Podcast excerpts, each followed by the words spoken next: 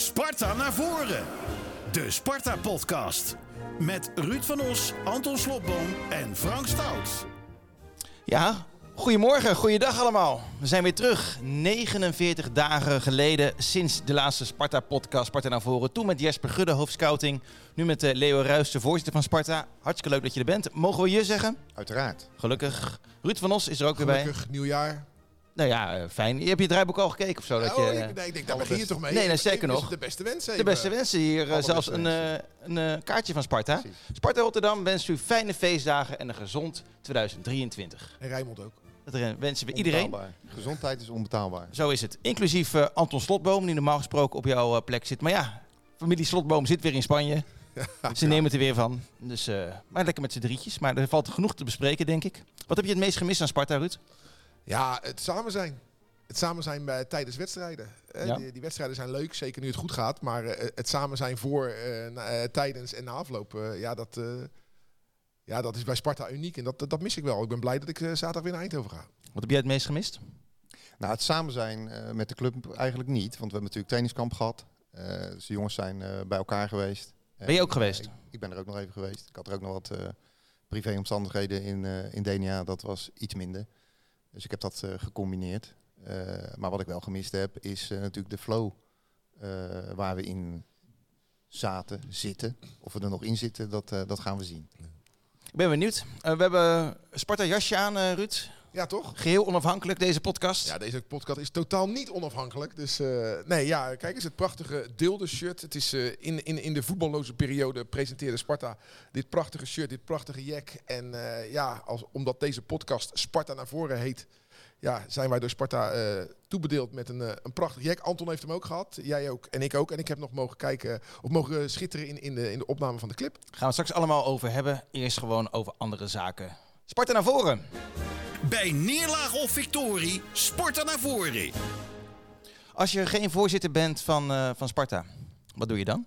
Als je daar niet mee bezig, uh, als je daar dan, niet mee bezighoudt? Uh, dan ben ik algemeen directeur bij ECT in de Rotterdamse haven. Dat is geen klein bedrijf. Nee, ik werk daar al uh, sinds 2002, uh, 20 jaar. Uh, begonnen op de financiële afdeling. Ik werkte in projectontwikkeling in het buitenland. Wilde graag terug naar Rotterdam. Bij ST begonnen en anderhalf jaar later werd ik financieel directeur. Dat was niet de planning, maar zo is het wel gegaan. De planning was eigenlijk om twee, drie jaar na mijn binnenkomst daar weer wat anders te gaan doen. Nou ja, dat is ietsje anders gelopen. Dus, en toen... dat lijkt me een drukke baan. Zo. Ja, maar goed, ik hoef niet alleen te doen hè. Nee, maar... Uh, dus uh, ik uh, doe het met een aantal goede mensen om, om mij heen. Ja. want in je eentje kom je in zo'n functie helemaal nergens. En je bent net zo sterk als de mensen die voor en met je samenwerken. Maar, en daar maak, ik, daar maak ik gebruik van. Maar is daar wel genoeg tijd voor Sparta? Kan je dan wel een goede voorzitter zijn? Jawel, nou ja goed, toen ik voorzitter werd, nadat Rob Westerhof ermee stopte, heb ik op een gegeven moment ook gezegd, ik heb niet de tijd beschikbaar die Rob had. Als pensionado met alle respect. Precies, precies. En ik heb toen gezegd, ik zeg maar, hoe belangrijk uh, wil je het maken? Als je kijkt naar de organisatie die we op dat moment hadden staan. Uh, nou, dat heb ik toen toegelicht. Ik zeg, nou ja, als we dat met z'n allen kunnen accepteren, dan uh, wil ik erover nadenken om dat te gaan doen. Nou ja, uiteindelijk is dat op die manier besloten. Want hoeveel tijd ben je kwijt en wat doet de voorzitter van Sparta überhaupt? Dat is, dat is ik zit de vergaderingen voor. als er problemen zijn, dan ja, dan heb ik daar een rol. Als je geen corona hebt. Dat proberen we vooral achter de schermen uh, te doen en uh, binnen vier uh, muren te, te, houden. En inderdaad, als ik geen corona heb, dat was heel ongelukkig. Daar komen we later nog wel even op terug. Daar komen we dadelijk nog op terug. Ja, dat, daar was ik ook wel van uitgegaan. dus nee, ja, de, de, de, de, tijdbesteding is onregelmatig. maar dat is best wel goed te combineren. Ik bedoel, mensen denken vaak dat, dat het een dagtaak is. En dat het ook een betaalde rol is. maar dat is het natuurlijk niet. Ik bedoel, mensen zijn redelijk onbekend, maar daar gaan we dadelijk ook nog wel over hebben. Over een one-tier uh, structuur, hè, waarbij uh, feitelijk directie en commissarissen bij elkaar zitten. Ik ben dat heel erg gewend, want dat hebben we bij, uh, bij ST ook, omdat dat een anglo-saxisch model is. Ehm, dus nee, dat is voor mij op die manier best wel, wel goed in te vullen. Maar het is meer dan af en toe een lintje doorknippen en de champagne ontkurken bij weer een overwinning. Ja, nee, dat is wel wat meer dan dat. Ik bedoel, uh, champagne uh, ontkurken en lintjes doorknippen heb ik volgens mij tot op dit moment nog niet zo heel veel uh, gedaan. En dat zul je mij denk ik ook publicitair niet zo snel zien doen. Eh, daar zijn andere mensen voor. Eh, en eh, ja, dat, daar voel ik me wel prettig bij. Gaan we eerst even naar de actualiteit. Want er is iets, iets gebeurd met een vriend van jou, met Greg Burhalter. Oud-Spartaan natuurlijk. is in de Nederlandse media nog niet erg naar buiten gekomen. Maar dat gaat niet lang meer duren voordat het ook hier aan het daglicht eh, verschijnt. Ruud, je jij belde mij gisteravond na tienen. Ik zat lekker darten te kijken naar de finale. Maar ja, ik denk, als je mij na tienen belt, dan is er iets, eh, iets aan de hand. Ja, rond de WK is wel naar buiten gekomen hoe close ik met Greg ben. Ik ben natuurlijk in Qatar geweest, ook bij, bij Amerika-Nederland, omdat hij de bondscoach van Amerika is. Dus dat verhaal is bekend. En daarom dacht ik van, nu dit naar buiten komt, wil ik dit ook wel even delen. Om, ja, als het goed gaat, moet je iets delen. Als het slecht gaat, moet je dat ook delen, vind ik. Het gaat over een speler die eh, populair was bij Sparta, ondanks dat hij er maar kort gespeeld heeft in de jaren 90. Greg Burhalter. Ja, die eh, ligt onder vuur in Amerika, omdat eh, hij tijdens de WK bleek gechanteerd te worden door iemand die hem van vroeger kende. Omdat Greg als 18-jarige eh, jonge jongen eh, eh, dronken in een bar zat. Daar buiten wat woorden kreeg met zijn toenmalige vriendin, die nu zijn vrouw is, Rosalind. Die, waar hij nog steeds gelukkig getrouwd mee is en vier kinderen mee heeft. En hij heeft toen een schop voor de poten gegeven. En ja, dat, ze zijn toen zeven maanden uit elkaar geweest, weer bij elkaar gekomen. En uiteindelijk een prachtige gezin gesticht. Dus dit ligt ver achter, achter ze. Maar ja, er is wel iemand die hem chanteerde en zei van... joh, ik ga dit naar buiten brengen. Dus eh, als jij niet stopt als bondscoach, eh, dan, eh, dan brengt dit naar buiten. Dus waar heeft Greg voor gekozen om de stap voorwaarts te doen. Om dit zelf naar buiten te brengen. En eh, in de Amerikaanse media is dit nu groot nieuws. Want eh, ja, voetbal is misschien niet de grootste sport in Amerika. Maar een verhaal de over de bondscoach wordt wel goed opgepikt in een land met 300 miljoen inwoners. Dus het zal niet lang meer duren voordat dat ook in Europa eh, naar buiten gaat, gaat komen. Ja, en dat is heel triest. En hij heeft een miljoen keer zijn excuses aangeboden destijds. Is in therapie gegaan destijds. En wat ik zeg, is nog steeds met die vrouw. En ja, is een geweldig echtpaar. Dus hebben dit ver achter zich gelaten. En zij hebben het, heeft het geaccepteerd. En hij heeft excuses aangeboden. Maar ja, toch, eh, deze oude koe komt uit de sloot. En hij doet een stap voorwaarts. Is nu eh, ja, even... eh, aan de zijkant geschoven door de Amerikaanse bond, omdat er een onderzoek wordt gedaan. En tot dat onderzoek afgerond is, mag hij geen bondscoach zijn. En eh, zijn contract is ook afgelopen. Ze zijn aan onderhandelingen over een nieuw contract. Dat is ook even stilgelegd. gelegd. Dus Amerika speelt eh, in 25 januari tegen Servië in Los Angeles. Ja, dat doen ze zonder Greg Burhalter En waarom, waarom zou die man, misschien wel die vrouw, hem willen chanteren? Ja, vaak is het geld. Misschien eh, iets dwars, zit hem iets dwars. Ik weet het niet. Eh, ik heb Greg gisteravond nog even contact mee gehad. Ja, eh, ja. Ik kan niet alles zeggen wat daar... Maar hij wil natuurlijk ja, niet al te veel over zeggen natuurlijk. Dat, ik vroeg ook, waar komt het vandaan? Hij heeft geen idee. Wat denk je als je dit hoort? Iets wat ruim 30 jaar geleden is gebeurd. De relatie is nog steeds in stand, zijn vier kinderen verder. Ja, we leven natuurlijk op dit moment best in een vreemde wereld. En eh, met het hele MeToo-fenomeen eh, is dit natuurlijk niks nieuws in Amerika. Eigenlijk. Nou, niet alleen in Amerika. Nee, het is, maar het is daar natuurlijk wel eh, eh, begonnen. Eh, maar wij hebben natuurlijk hier eh, in Europa en in Nederland ook allerlei maatschappelijke discussies die best lastig zijn. Ja, ik vind het een beetje gek allemaal hoor. Een beetje, een beetje eng zelfs worden. Weet je, we hebben allemaal jeugdzondes eh, gehad. En natuurlijk wil je het niet goed praten, maar ja, als je gaat graven, vind je altijd wel wat. Ja, ik, ik ga daar niks over zeggen, want ik zit er natuurlijk niet objectief in in dit verhaal. eh. Nee, maar jij hebt natuurlijk ook zelf een soort gelijk akkefietje meegemaakt als adjunct hoofdredacteur met Johan Derksen. Ja. Is wel iets anders, want je hebt hem ook de mogelijkheid gegeven om excuses aan te bieden Ja, en destijds. dat, eh, dat wilde hij niet. Daar peinsde hij niet over. Ja, toen was het voor mij simpel om, eh, om ja, dan stoppen we ermee. Kijk, dat iemand een fout maakt, dat kan. Johan Derksen heeft geen moord gepleegd. Maar dan moet hij wel zo'n grote kerel ook zijn om te zeggen, joh, dat heb ik fout gedaan, hand in eigen boezem. En dan kunnen we gewoon weer door. Niet gewoon, maar dan kunnen we door. Maar als je dat weigert en je blijft achter het hele kaarsverhaal staan, ja, dan, dan rest mij eh, op dat moment als, als interim hoofdredacteur niets anders dan te zeggen, oké, maar dan stoppen we. ermee. Komt hij wel weer terug eigenlijk? Zijsprongetje. Eh, nou, ik denk het niet. Maar dan zou misschien... Hij heeft in meerdere publicaties In het, eh, aangegeven. muziekprogramma bedoel je? Het muziekprogramma. Hij heeft in meerdere publicaties in de Telegraaf en, op, en in zijn eigen programma aangegeven. Nog steeds niet te pijnzen over excuses. Ja, dan, eh. Ja, ja ik Social vind het, media hè, hebben natuurlijk ook een enorme Ja. invloed op, eh, op wat we zien gebeuren allemaal. ja, ja, die cancelcultuur en Ja. ook dit weer. Ja, ja ik ben, eh, ik ben ja, een beetje bang. Een beetje... Nou ja, eh, als we, we hebben net gelachen voordat we begonnen met de opname. Blijkt dat eh, een film uit 1968, Romeo en Julia. Daar speelden twee eh, acteurs in die toen 15 en 16 waren. Die zijn, er zit een naaktscène in. ja, die klagen nu de, de filmmaatschappij aan 55 jaar later. Omdat ze toen als 15, 16-jarige in een naaktscène zijn gefilmd. Ja, zeg het maar. Ja, zullen we doorgaan? Of nee, je wil nog één ding zeggen, Leo. Ik zie het Ja. aan je. Ja. Wat wil je graag? Nee, nou goed, ik, ik denk dat we hier eh, voorlopig niet vanaf zijn. En eh, de omgang eh, met mensen eh, het wordt gewoon lastiger. Eh, Ja. Je gaat voorzichtiger zijn en eh, dat is niet op je verkeerd. hoede. nou, Nee, ja, dat, dat is niet verkeerd. Eh, maar de vraag is wel of het er allemaal leuker op wordt. Ja. Nee, maar, nee, maar in het geval van Derksen wil ik toch even terugkomen. Dat is wat anders. Derksen, Dat die, die, eh, het gaat er niet om dat is dat wat hij dit verhaal 50 jaar geleden wel of niet gedaan heeft. Al had hij er een mop van gemaakt die totaal niet gebeurd was. Het, het verhaal, zoals hij het vertelde, was niet respectvol naar, naar slachtoffers van seksueel grensoverschrijdend gedrag.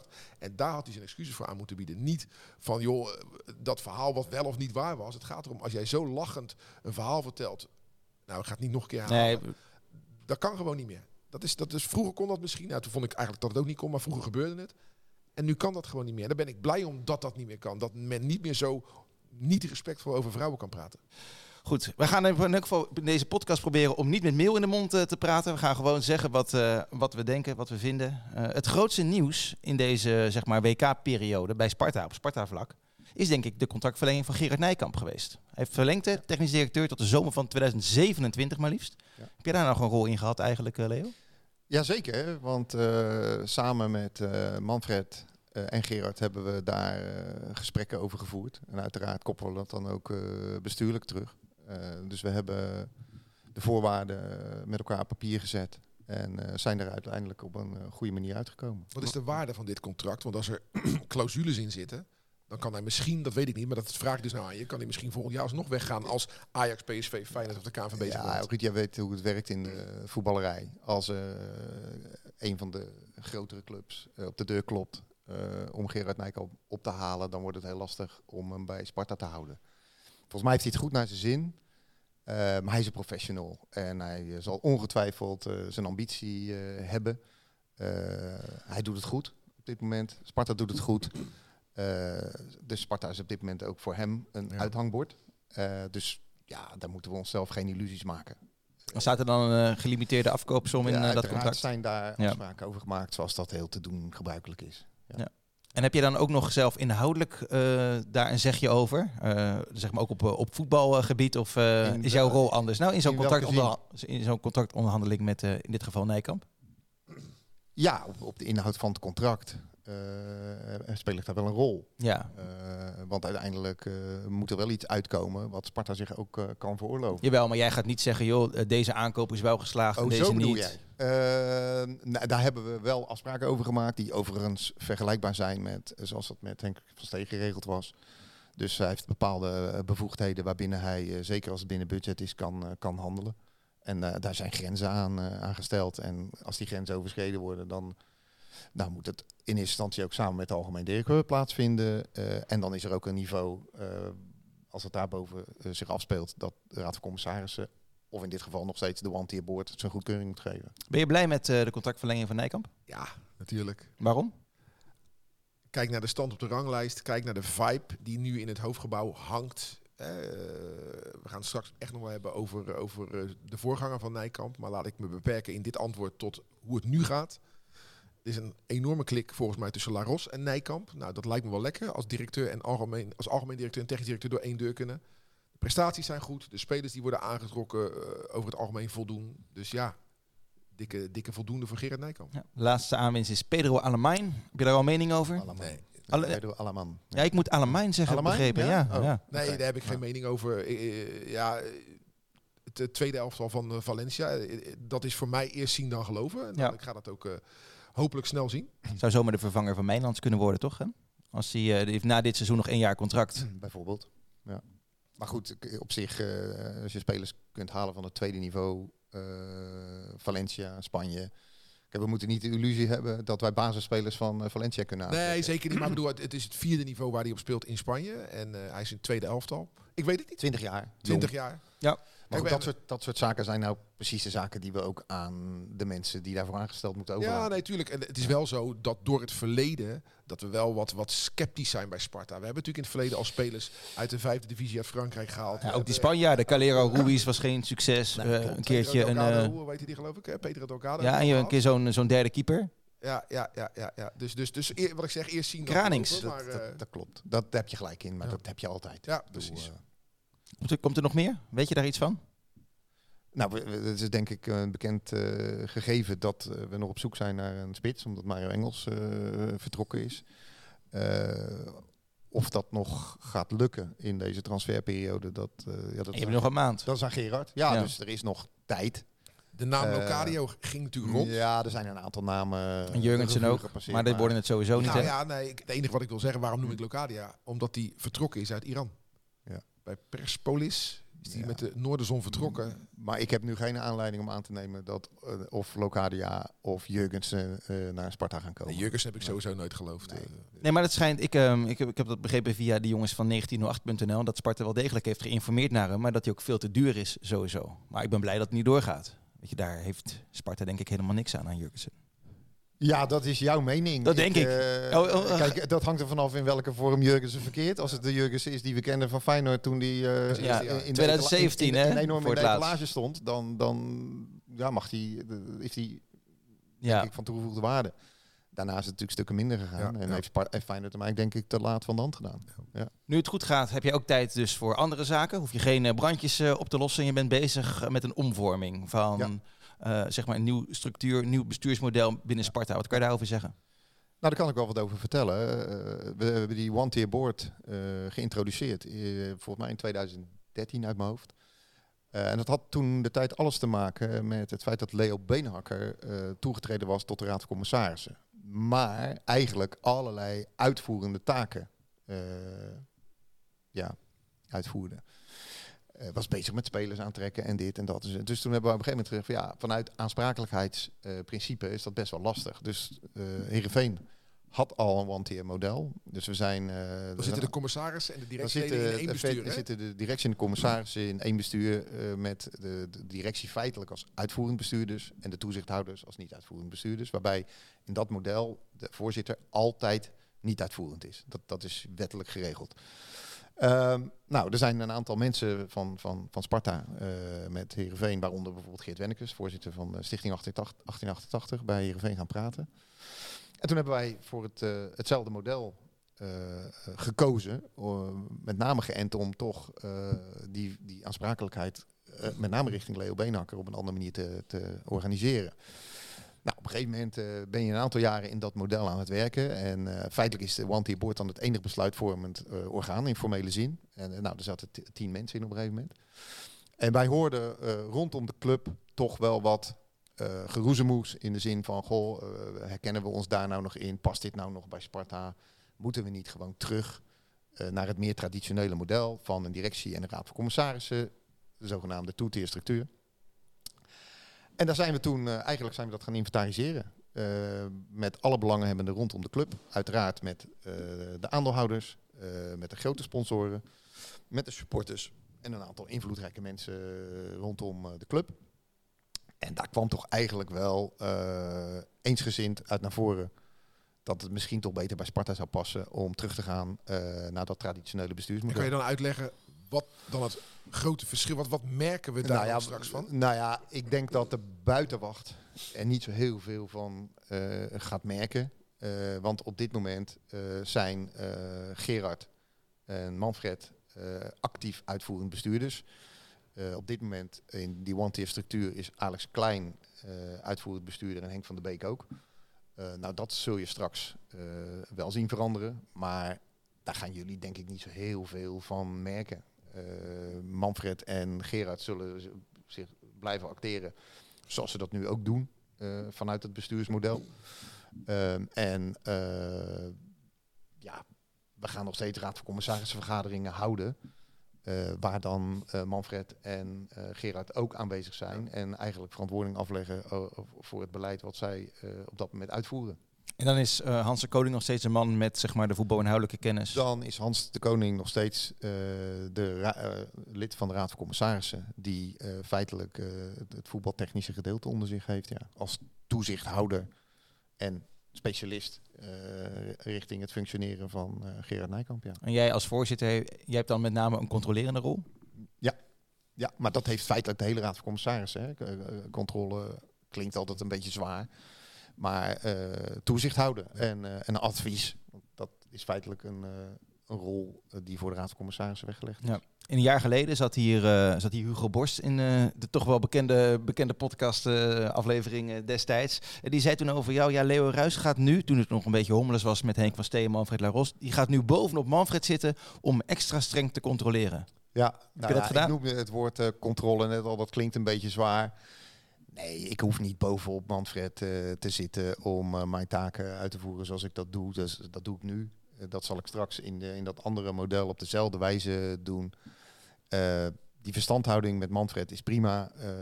en dat blijft denk ik ook wel zo. En, het, maar het is alleen wel makkelijker om met elkaar over zaken te praten als je zesde op de ranglijst staat. of wanneer je achttiende op de ranglijst staat en je er eigenlijk geen vertrouwen meer in hebt ja. dat je je handhaaft. Maar heb je toen. Is natuurlijk een gegeven. Ja, zeker. Maar heb je toen destijds net even wat strakker aan die touwtjes getrokken? Of? Destijds en waar. Nou ja, toen in, de, uh, zeg maar in die situatie uh, met die oneenigheid met La Ros en Van Stee. Of kon dat niet omdat je toen corona had? Want dat was natuurlijk nou wel een ongelukkig moment. Het was wel lastig dat ik uh, opgesloten zat in een appartement met, met corona. Maar ik heb in die periode contact gehad met alle bestuursleden. Ik heb contact gehad met Manfred. Ik heb contact gehad met Henk. alleen ja, ik kon niet fysiek uh, aanwezig zijn in een bepaalde vergadering waar het uh, destijds uh, een, een, klein beetje misgegaan is. Nee, dat is wel echt een heel ongelukkig moment. Juist op het moment dat je wat zichtbaarder had moeten zijn, misschien wel, was je er niet. Ja. Nee, ik, ik kon op dat moment daar fysiek niet, niet bij zijn. en het is gelopen zoals het is gelopen. ik weet ook niet of ik het uiteindelijk het tij op dat moment had, had kunnen keren. En als je dan niet over dat moment hebt, maar eerder, want ik als iemand die de club goed volgt, zag dit wel aankomen. Als je Van Steek kende, als je, ja. uh, als je uh, Laros toen, dat was een botsing die je echt wel aan zag komen. Ja, nou ja, goed. Had je niet eerder in moeten grijpen? Nou kijk, je, je, had, je kunt het ook benaderen vanuit de optiek. Zeker als je teruggaat naar waar we vandaan komen. Henk heeft op een gegeven moment een bepaalde rol gehad. Heeft een elftal gebouwd. heeft Henk Vrezen binnengehaald. Henk Vrezen kwam binnen als een trainer van een eredivisieclub. En het ging tegen mis. Uh, ik was een dag na die wedstrijd op het kasteel. Henk kwam binnen, knop omgezet. Ik blijf. Uh, en daar is wel op een gegeven moment een basis gelegd om uh, terug te keren naar de Eredivisie. Nou, dat is gelukt uit tegen de Graafschap. Uh, dus op dat moment was er helemaal uh, geen reden om in te grijpen. Kijk, als nee, nee, niet in het begin niet. Maar, uh, nee, maar dus ook, ook in een latere fase. Kijk, bij ECT is er ook wel eens een zware discussie in de bestuurskamer. En we hebben daar allemaal een rol vanuit een bepaalde verantwoordelijkheid. binnen een bepaalde functie. En je hoeft geen vrienden met elkaar te zijn om met elkaar te kunnen samenwerken. Nee, maar het rommelde wel in ja, na die mislukte transfer van 21. Ik, ik ben nog steeds van mening dat ze elkaar inhoudelijk best hadden kunnen versterken. Nou, uh, ze hebben allebei stevige karakters. Uh, en ja, die discussies waren soms wel stevig. En ik heb daar inderdaad regelmatig wel tussen gezeten om, uh, om het bij elkaar te houden. Uiteindelijk is dat niet gelukt. En die transferperiode waar jij aan refereert, ja, daar hebben we ook een beetje pech gehad. Ja. Henk heeft er uiteindelijk in eerste instantie een keuze gemaakt. Ik wil even wachten. want er komen uiteindelijk dadelijk spelers vrij. Nou, volgens mij ken jij de drie namen waar we toen mee bezig waren. Dat Jannie Reinders, Wouter Burger en Darvalou. Uh, Wouter Burger waren we uiteindelijk, er waren we eruit en ik koos uiteindelijk voor Zwitserland. Darvalou mocht op een gegeven moment niet weg van, van Vitesse. Nou, je weet waar die uiteindelijk toch op een gegeven moment naartoe gegaan is, naar Zwolle. En uh, Gianni Reinders, ja, die wilde AZ niet laten gaan uiteindelijk. En als ik hem aan het begin van het seizoen heb zien voetballen, dan begrijp ik dat ook wel. Het is natuurlijk gewoon een vaste basisspeler van AZ en een jongen met denk ik heel veel potentie. Ja, dat, daar hebben we een beetje pech gehad.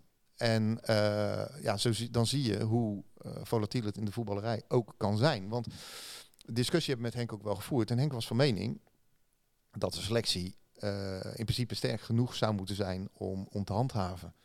En ik heb daar later in de Club in een lunch met Henk van Wezen nog over zitten praten. En eh, toen, toen heb ik dat ook tegen Henk gezegd, dat dat ook een beleving was die in het bestuur eh, speelde. En toen, toen zei Fraser tegen mij, hij zei, ja, ben ik het misschien niet helemaal mee eens. Hij zegt, dat gold misschien wel voor de basis. Hij zegt, maar de bank eh, was natuurlijk wel minder eh, eh, sterk bezet. Nou ja, en dan loopt het op dat moment zoals het loopt. Dus kijk, om daar even op terug te komen, dat, dat, dat eerder ingrijpen, daar was, als je kijkt naar de resultaten, natuurlijk helemaal geen aanleiding voor. Even de microfoon. En dan gaat het op een gegeven moment, in het afgelopen seizoen, gaat het natuurlijk stukken minder. Dan gaat het rommelen. Eh, nou, dan zitten we in een bestuursvergadering en dan komen jullie ook nog met een, eh, met een bericht in de lucht. Ja, toen werd het wel lastig houdbaar. Eh, toen kwam Henk met van, is er voor mij nog wel draagvlak? Toen heb ik gezegd, ja, dan moeten we daarover praten. Nou, dat hebben we gedaan. Dat hebben we notabene gedaan in het appartement waar ik zat toen ik corona had. En uiteindelijk zijn we er op een bepaalde manier uitgekomen. En ik heb ook wel gezegd, letterlijk, ik zeg, als we hier uit elkaar gaan, dan gaan we wel door dezelfde deur naar buiten. En dat was de deur van dat appartement. Daar was Ja. Henk van Stee bij, daar was Alex Klein bij, daar was Manfred bij en daar was ik bij. Nou, dan gaat het zoals het gaat. En denk ik dat we dat netjes geregeld hebben met elkaar. En dan moet je verder. Dat weet Henk ook.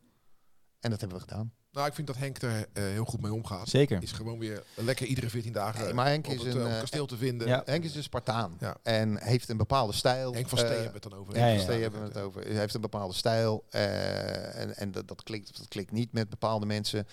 Eh, heeft natuurlijk ook zijn sporen wel verdiend. Hè? Er is natuurlijk geen koekenbakker die eh, bij Zenit in Sint-Petersburg gezeten heeft. En bij eh Shakhtar Shakhtar, Donetsk. ja. Dus eh, eh, eh, ontzettend bevlogen eh, individu.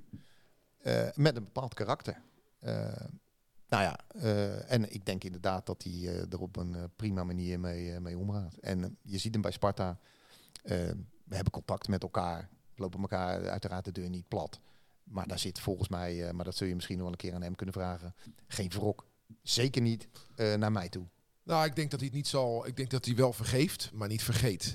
En dat is logisch, denk ik wel. Nee, maar dat hoeft ook niet. Hè? Ik bedoel, eh, eh, Sparta is wel zijn club. Ja. Eh, daar, kun je, daar kun je echt niet omheen. Eh, nou, maar volgens mij heeft hij het wel een plekje gegeven. Maar als het weer zo zou zijn ontstaan, zou je dus weer hetzelfde doen. Je zou niet nu met de kennis van nu denken, achteraf, ik had toch misschien beter even ze eerder bij elkaar aan tafel kunnen zetten. Eh, nee, maar we hebben regelmatig met elkaar aan tafel gezeten. Want we hebben wel verschillende discussies met elkaar gevoerd. Eh, maar op het moment dat de resultaten zich ontwikkelden zoals ze dat deden, dan hielden we de boel wel bij elkaar. Alleen, je zei net zelf, op het moment dat het eh, wat, wat kritischer gaat worden, loopt de spanning op. Eh, ja, en dan gaat het dekseltje soms wel eens van het keteltje. En nou, dat is hier ook gebeurd. Zwa. Wij zetten er ook een, stre- een streep onder. Het gaat goed met Sparta. Eh, we zijn blij dat Henk eh, regelmatig eh, nog dat is- op het kasteel is. Dat is de mazzel die de club natuurlijk wel heeft gehad. Hè. Je neemt een controversiële beslissing in december. Je neemt een controversiële beslissing in, in april. Met het wegsturen van Rankovic en daardoor het vertrek van Vrezen. Maar daarna pakt het allemaal goed uit. En nu loopt iedereen met een glimlach rond. Ja. Nou ja, Niet helemaal mazzel, hè. Heeft ook al een beetje natuurlijk met kennis van de mensen zelf te maken. Nou, er zit ook wel een beetje geluk Ja, in. tuurlijk, een beetje. De, vrije trap van Nou, Van Krooi tegen AZ heeft wel een heleboel wonderen. Ja. eh, Ik wil daar nog wel wat over zeggen, want jij noemt eh eh, Vrezen, Rankovic. Eh, ik heb op een gegeven moment, Henk werd natuurlijk onzeker, Vrezen, toen we met Henk van Stee eh, tot een beëindiging kwamen. Ik heb toen letterlijk mijn woord gegeven aan, aan Vrezen van wij maken met jou het seizoen af. En eh, op een gegeven moment op een zondagochtend, ik liep in Oostvoorne bij de praxis, ik zal het nooit vergeten, belde Gerard Nijkamp mij op. En die, die zei dat hij wat van plan was met, eh met Rankovic. En dan kun je zeggen van ja, eh, nou, het is niet aan mij om op dat moment op de stoel van de technisch directeur te gaan zitten. Ik bedoel, want dan hebben we die technisch directeur niet nodig. En Sparta zal nooit meer zonder een technisch directeur functioneren. Dat heeft eh, de afgelopen jaren wel bewezen. En toen heb ik gezegd van, nou ja, als jij die keuze wil... Ja, zei hij, maar ja, het kan dan wel zo zijn dat... Nou, je weet wat ik bedoel. Ik zei, ja, maar ik heb Vrezen mijn woord gegeven, maak hem jou het seizoen af. Als Henk daar andere keuzes in maakt, ja, dan is dat Henks eigen verantwoordelijkheid. En ik snap ook wel dat Gerard niet op zijn kont wilde blijven zitten om eh, toch bepaalde keuzes daarin te maken. En dan pakt het inderdaad Ja. goed uit. Ehm, en wordt het daarna was denk ik de enige die vertrouwen had in een goede afloop, Maurice Stijn. Ja. Ehm, ja, een huzarenstukje Ja, wat hij daarmee eh, geflikt heeft. En door de... En we hebben ook in die periode natuurlijk ook nog wel, want dat wordt misschien wel een beetje vergeten, alhoewel jullie dat bewust zijn. Manfred heeft in die periode natuurlijk ook behoorlijk onder druk gestaan. Maar vergis je niet, hè, eh, Manfred heeft eh, rondom de club, en zeker de mensen die het toe doen, best een, eh, een behoorlijk draagvlak. Een goed draagvlak en een groot draagvlak. Ehm, en dat heeft ook, denk ik wel, voor een stukje stabiliteit kunnen zorgen om de besluiten te nemen die we hebben genomen. Met Gerard. En daarna ook met Maurice. Want ook eh, in de gesprekken met Maurice ben ik op een gegeven moment eh, betrokken geweest. En ik zal eerlijk zeggen, Maurice was wel eh, mijn eh, preferred kandidaat. Dat is makkelijk zeggen nu, hè? ja, nee, maar dat was wel zo. Ja, ik, En, ik- ik geloof je wel, om maar... Om het voortijdig over te nemen ook? Want daar nou, nee, daar hebben we wel een discussie over gehad. Eh, en daar kan ik ook transparant en eerlijk over zijn. Wij wilden het eigenlijk Maurice niet vragen. Eh, om hem niet op te zadelen met de problematiek waar we in zaten. Sterker nog, we hadden eigenlijk al een gesprek met Noordin en met eh, Jeroen. Eh, Rijsdijk en Bukari, ja. precies, om het, eh, om het over te nemen. En op het moment dat we op de zondagavond om een uur of elf eh, in het kasteel zaten, eh, belde de zaakwaarnemer van eh, Maurice, heb je aan Maurice gedacht? En toen zijn Manfred en eh, Gerard nog eh, naar Den Haag eh, gereden. En Zo ik- laat nog, zondagavond, ja, 11 ja, uur? ja. Ja. En ik ben op, eh, met uh, Noordin Bukari op het kasteel eh, gebleven. En hebben daar nog eventjes wat eh, na zitten praten. En Noordin en Jeroen waren wel bereid om dat eh, te doen. Maar hadden er ook geen moeite mee om een stapje terug te doen. En dan zie je het, vind ik, Maurice weer. Om, eh, om dan toch met deze twee mannen die En- klus En op te pakken. en Jeroen zie je het ook. Zeker, zeker, maar dat, dat gaf ik al aan. Ja. Om, om die klus met die twee mannen op te pakken en daarna het, het seizoen ook gewoon mee, mee aan te vangen. Maar het is wel zo natuurlijk.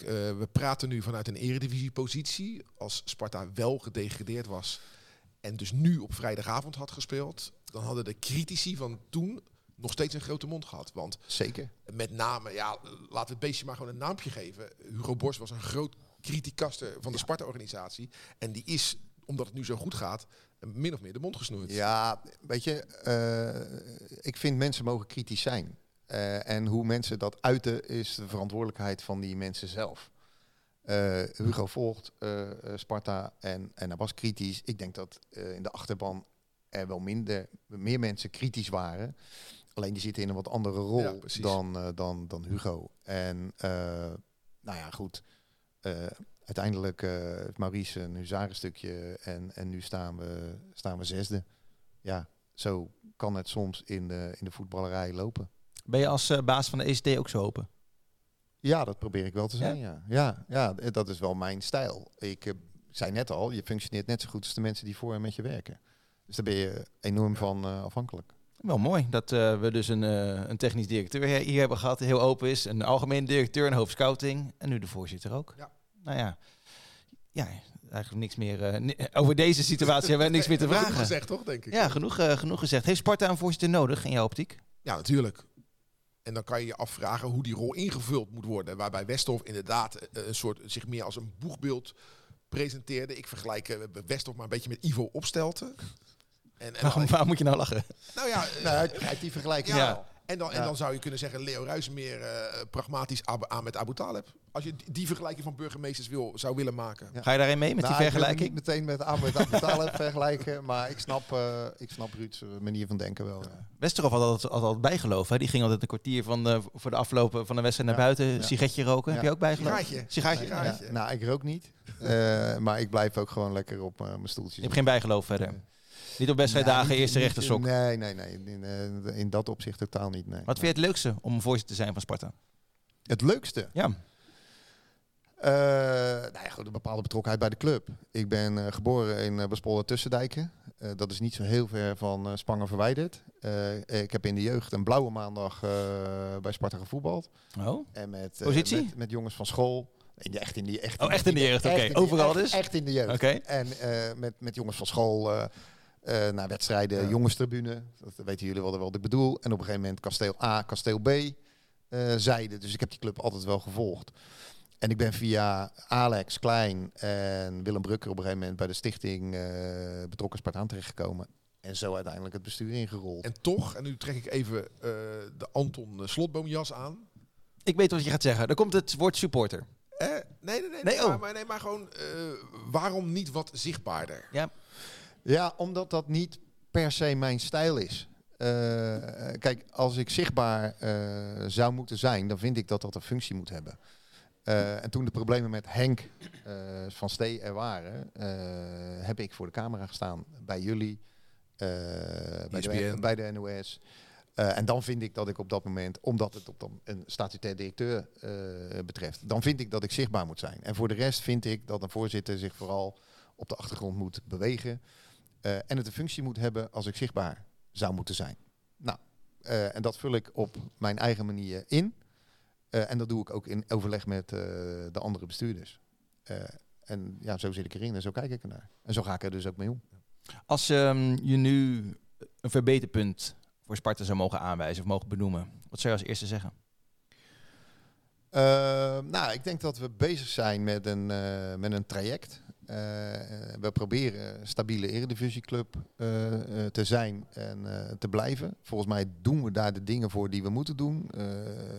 De Breggen wordt natuurlijk aangepakt. Nou, dat is in, in, in, in volle gang. En ik denk dat dat ook wel nodig is. Eh, stadion, eh, publieksfaciliteiten zijn wat aan het opkalevateren. We hebben de kleedkamer van de selectie eh, een nieuwe look eh, en, eh, gegeven en, en behoorlijk eh, geprofessionaliseerd. Dus als ik het in één woord zou moeten samenvatten, dan zou ik zeggen verder professionaliseren binnen de eh, middelen en mogelijkheden die wij hebben. Wat zou jij als eerste aanpakken? Nou, een, ik, mijn moeder woont in Spangen. Dus ik kom heel vaak in de buurt van het Sparta-stadion. Hè? Dus, dus, dus ik, ik zie wat er gebeurt. Ik zie dus nu dat er ook verbouwd wordt.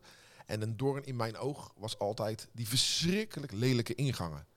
En als ik nu kijk waar ze nu mee bezig zijn, ja, het, het krijgt grandeur. Het, wordt, het zijn mooie zwarte hekken, grote zwarte hekken. Die gaan dan open op wedstrijddagen. En daarna ga je door een lage tourniquet. Veel publieksvriendelijker, veel meer uitnodigender, veel chiquer. En ja, ik ben blij dat dat is aangepakt. En ik begrijp ook, ik zit zelf niet op de eh, Dennis Neville tribune, maar voor de mensen die daar wel zitten, mijn moeder bijvoorbeeld.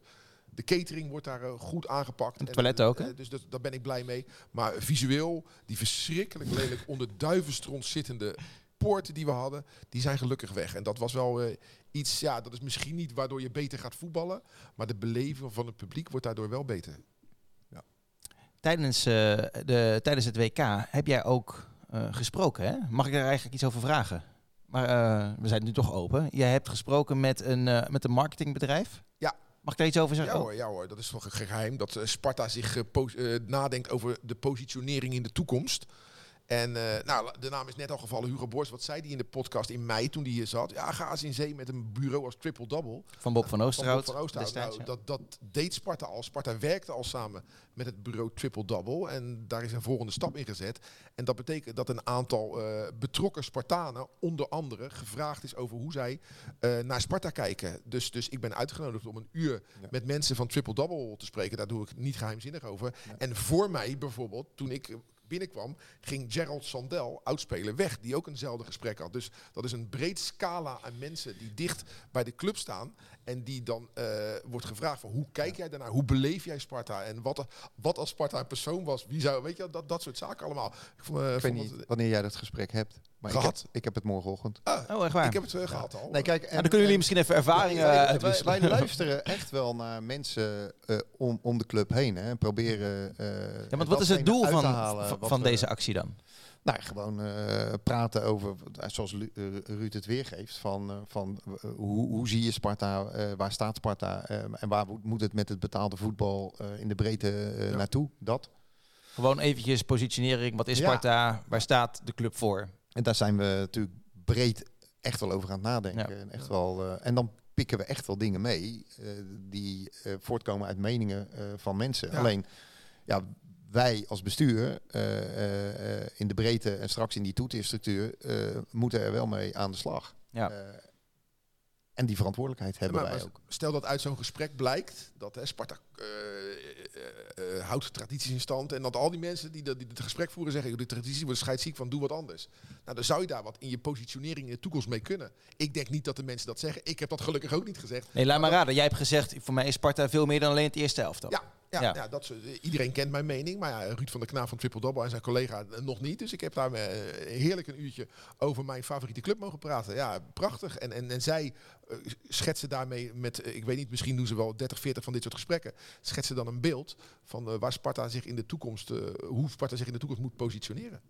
Als je het hebt over, eh, over traditieclub, tradities die belangrijk zijn, dan hebben supporters het ook heel vaak over, ik probeer een heel slecht brugje te maken hoor, over een logo. Hè. Een logo bij een uitshirt, dat moet dan ook in het, dit geval van Sparta in het rood-wit eh, zijn. Maar nu zitten wij hier met een trainingsjasje aan, hebben een eh, zwart, zwart logo, het ligt daar ook het shirt op. Het is ja, een, een eerbetoon aan Jules Dilder. Hè. En dit, dit tenue van Robij wordt echt met gejuich ontvangen.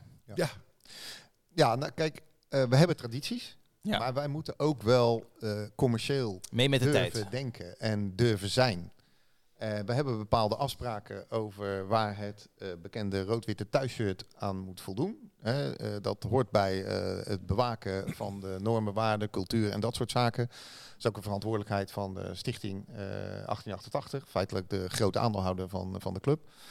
Eh, en als het gaat om uitshirts, eh, dan is daar meer eh, vrijheid. Maar is het wel gewoon zo netjes om dat met de toezichthouder op die normen en waarden gewoon even af te stemmen? Nou, dat gaat wel eens mis.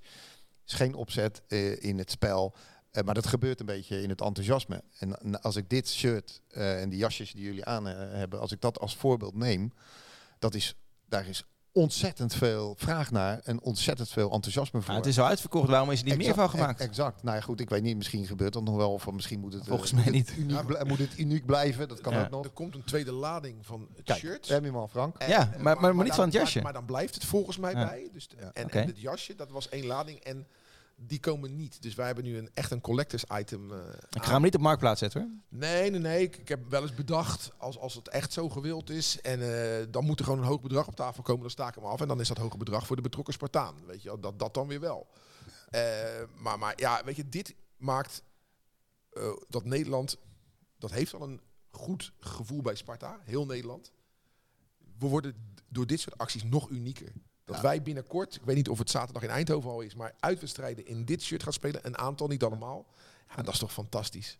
Nou ja, we zijn natuurlijk, we proberen best wel uniek te zijn en te blijven. Ook, eh, Hm. ook al hebben we een, rijke traditie. eh, maar daar kun je niet van, eh, van voetballen. van hè. Ik bedoel, het gaat vooral om, om, Ja. om de toekomst.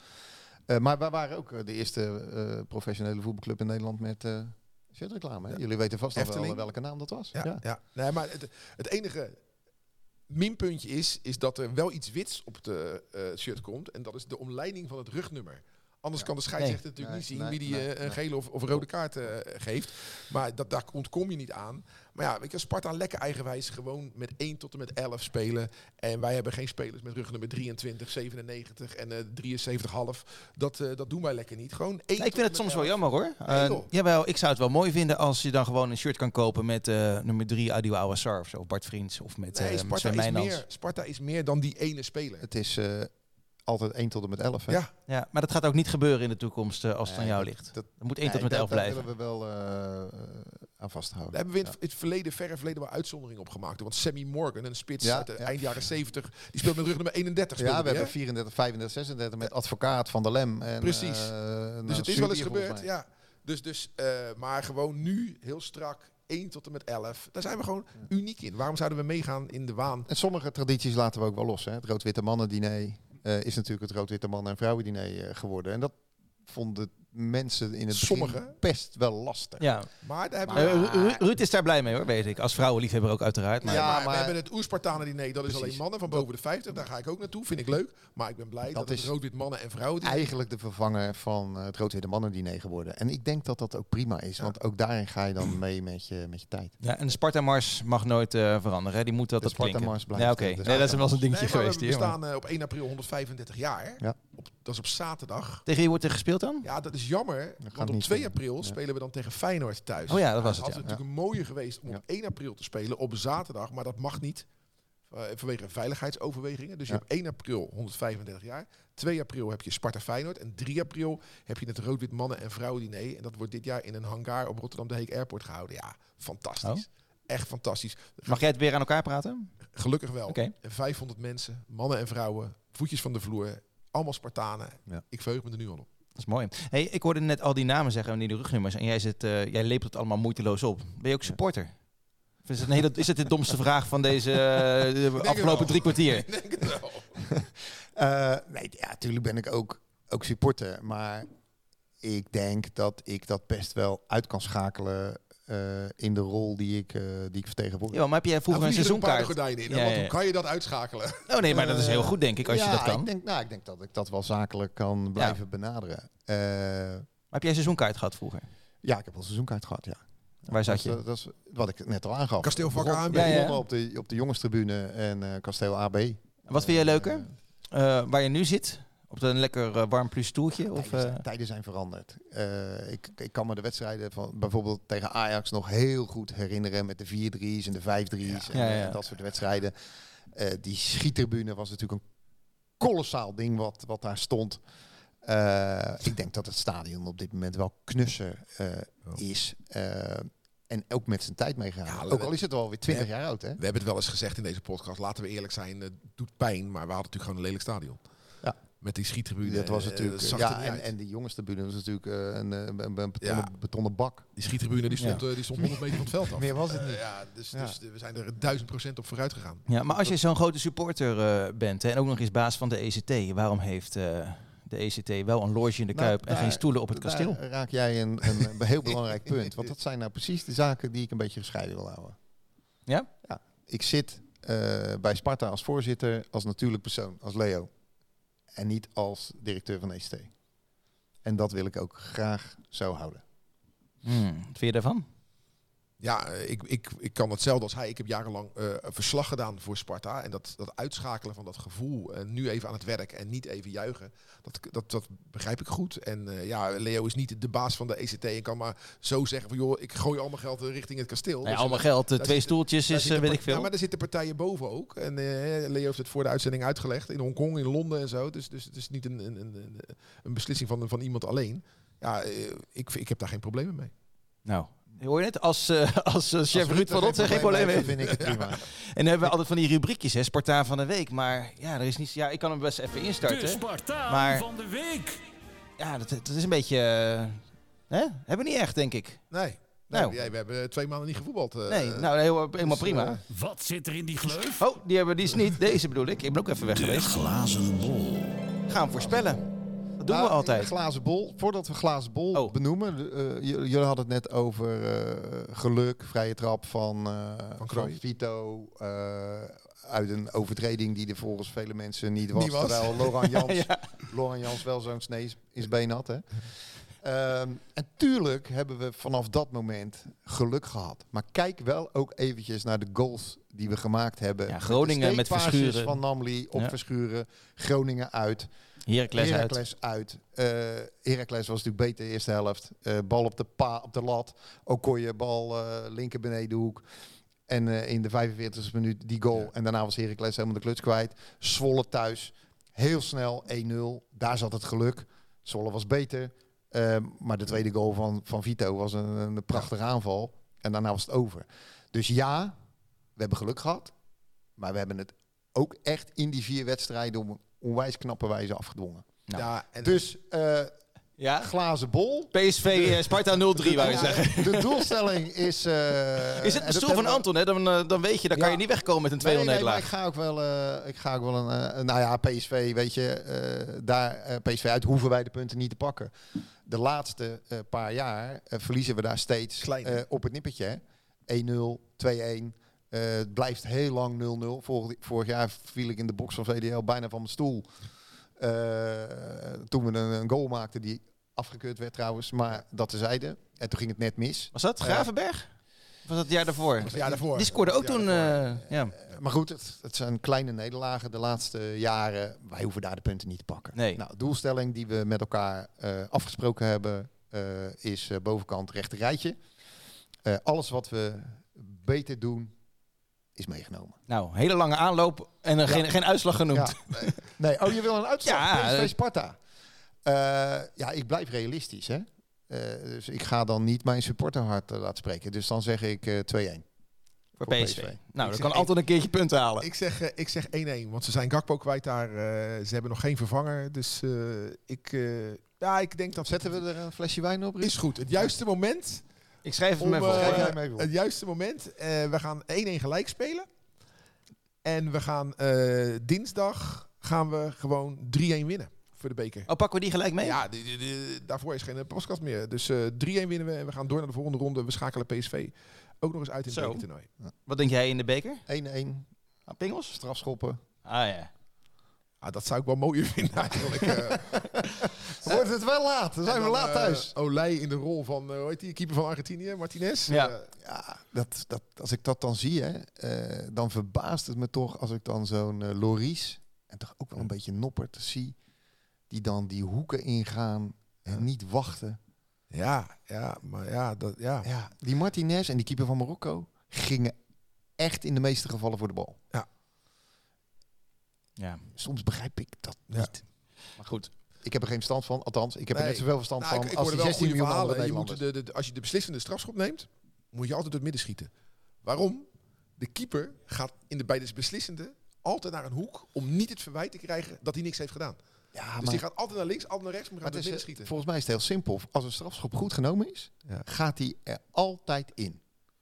Eh, en als die wat minder genomen is en je wacht als keeper en je gaat voor de bal, heb je altijd een kans. We gaan maar. Ik weet niet of mijn, Olij, eh, ik Jan weet niet of Olij een killer Jan, is. eh. Jan Boerenfluitjes eh, benadering. Ik heb Olij in de voorbereiding gezien. Ging hij even in de fout bij, eh, bij Twente uit. Maar toen zei iedereen eh, van nee, dit gaat hem in de competitie nooit gebeuren. Dan geeft hij wel die, die bal een ros naar voren. Nu speelde hij hem volgens mij op Schoonderwald. Nee, eh, op, eh, hoe heet die jongen van Volendam? Die we- Eerthuizen. Eerthuizen. Eh, en eh, en dan ging, ging, daar, ging daar even fout. Eh, maar ik denk eh, PSV Sparta 3-0. Sorry. Ik wil graag weer Nee, bovenaan joh, maar, komen. Frank, eh, dat, eh, eh, ja, ik, vind, ik snap jouw eh insteek Gelukkig. in dat verband. Nee, want ik sta niet meer bovenaan. Ik, ik heb heel, de, heel het seizoen bovenaan gestaan. oh, totdat, hebben... eh, bij- hou het bij. We houden Ja, het bij. Ja, en Ruud had inderdaad bij Sparta Twente 1-1. ja. Dus, die- dus die kreeg weer twee puntjes erbij. Dus Ruud heeft nu 15 punten, ik 14 en Anton 6.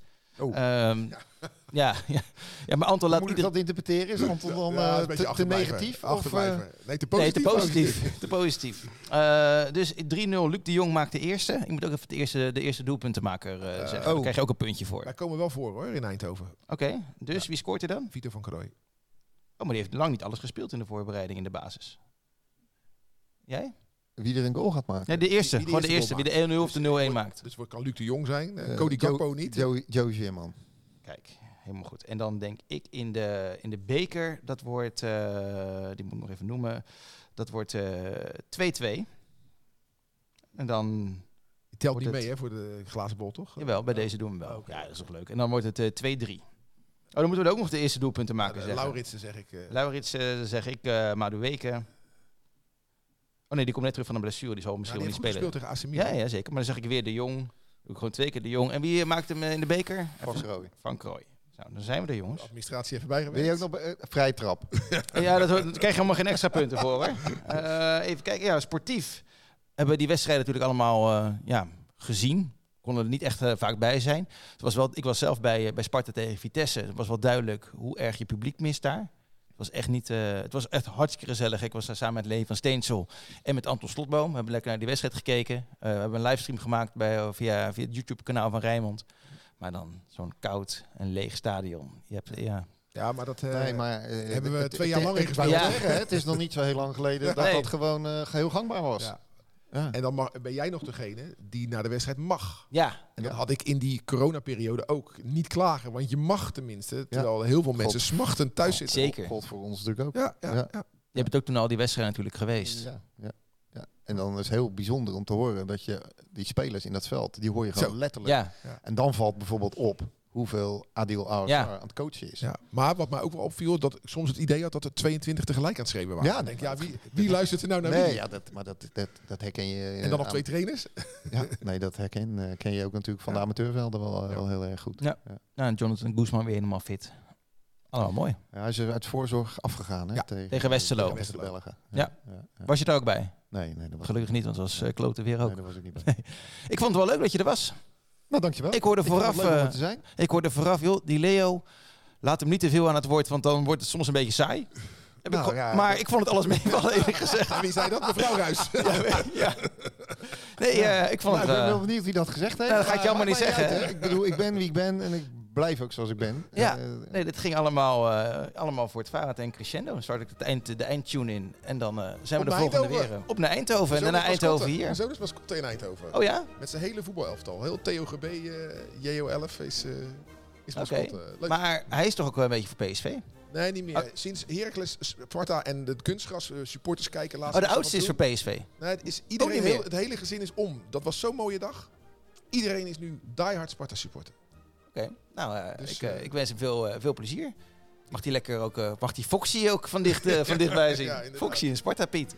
Dankjewel voor je komst. Graag gedaan. Succes met Dankjewel. Sparta. En wij zeggen tot volgende week. Is Anton weer op de plek van, van Leo. En dan gaan we er weer een mooie uitzending van maken. Ik weet niet of we dan weer dit aandoen, maar Anton in elk geval wel. Want die heeft hem nog niet aangehad eh, op tv. Dankjewel. Oké. Oké, Graag gedaan. we luisteren nog eventjes naar het eind van deze Sparta-mars. Dankjewel. Als Spartaan zijn wij geboren, als Spartanen sterven wij. In de geest van Bok de Korver. Sparta naar voren!